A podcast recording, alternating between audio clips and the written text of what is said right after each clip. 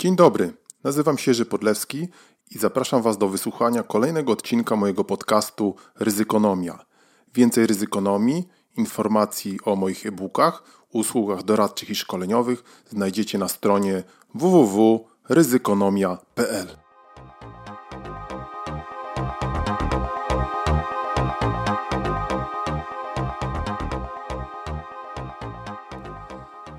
Czytamy ryzykonomię.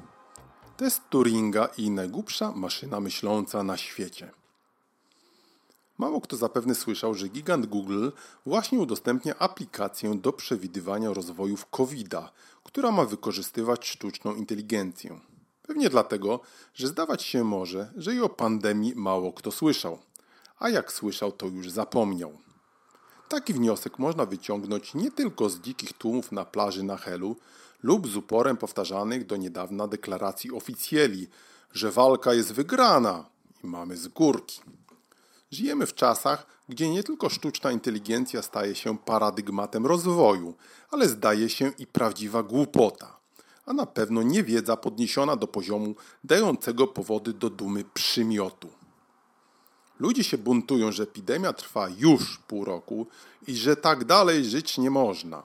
Na próbę naukowej dyskusji dostajemy linki do spisków z YouTube'a lub rwany z kontekstu informacji, budząc zdziwienie powoływaniem się na WHO, European Center for Disease Prevention and Control. A co to takiego? Czy zwykły sanepid? A kto miałby czas czytać takie ciężkie teksty?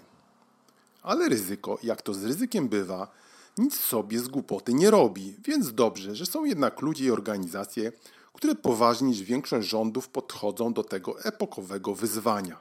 Epokowego.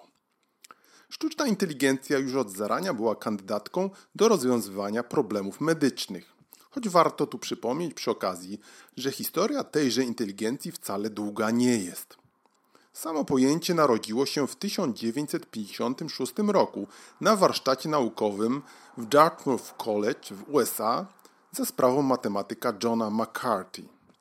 Młodym naukowcom zebranym na tymże warsztacie chodziło o rozważenie zbudowania maszyny, cytuję, zdolnej do zasymulowania każdego aspektu ludzkiej inteligencji. Koniec cytatu.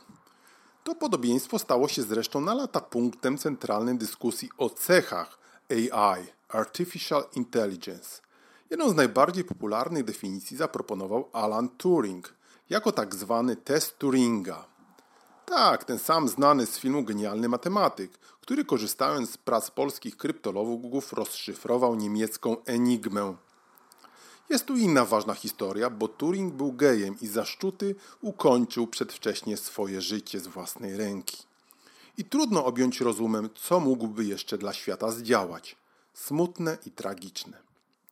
No więc Turing zaproponował, aby myślącą maszynę bo takie planował poddać testowi, który polega na rozmowie testera z maszyną i lub kontrolnym człowiekiem ukrytym za ścianą. Jeżeli tester nie potrafi odróżnić kto zacz, maszyna przechodzi test Turinga. Proste, inteligentne. Można się nawet zastanawiać, co z głupotą, równie przecież popularną jak rozum. Ale przecież już Lem przewidział powstanie głupich maszyn myślących. Potem prace nad sztuczną inteligencją przechodziły wiosny i zimy zainteresowania w latach 60-80 ubiegłego wieku, aż do 90. i XXI wieku, kiedy to rozwój technik komputerowych i internetu spowodował wręcz eksplozję zainteresowania sztuczną inteligencją, aż do dzisiaj. I miliony nowych obszarów zastosowań, które już są i które pojawiają nam się na horyzoncie, jak medycyna, transport, handel, finanse i wiele, wiele innych. Czym jest i czym może być sztuczna inteligencja, to wciąż otwarta dyskusja, choć pewnie w większości kojarzy się ze zbuntowanymi terminatorami.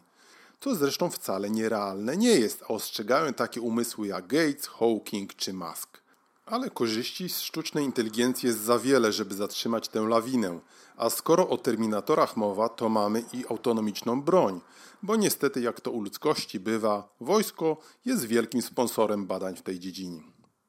Definicja Unii Europejskiej podsumowuje, że AI to systemy, które wykazują inteligentne zachowania w wyniku analizy otoczenia oraz podejmują działania z określoną dozą autonomii w celu osiągania specyficznych celów. Systemy te mogą wykorzystywać oprogramowanie komputerowe, działać w świecie wirtualnym, np. asystenci głosowi, oprogramowaniu do analizy obrazu, wyszukiwarki, systemy rozpoznawania twarzy i głosu, lub mogą być częścią sprzętu i maszyn takich jak roboty, autonomiczne pojazdy, drony oraz aplikacje typu Internet of Things, czyli Internet Rzeczy. Oczywiście mamy też i rodzime założenia do strategii AI w Polsce, oficjalnie zatwierdzone i podpieczętowane. O jakże. A tekst ten pisał człowiek, ale... Czy jesteś pewien?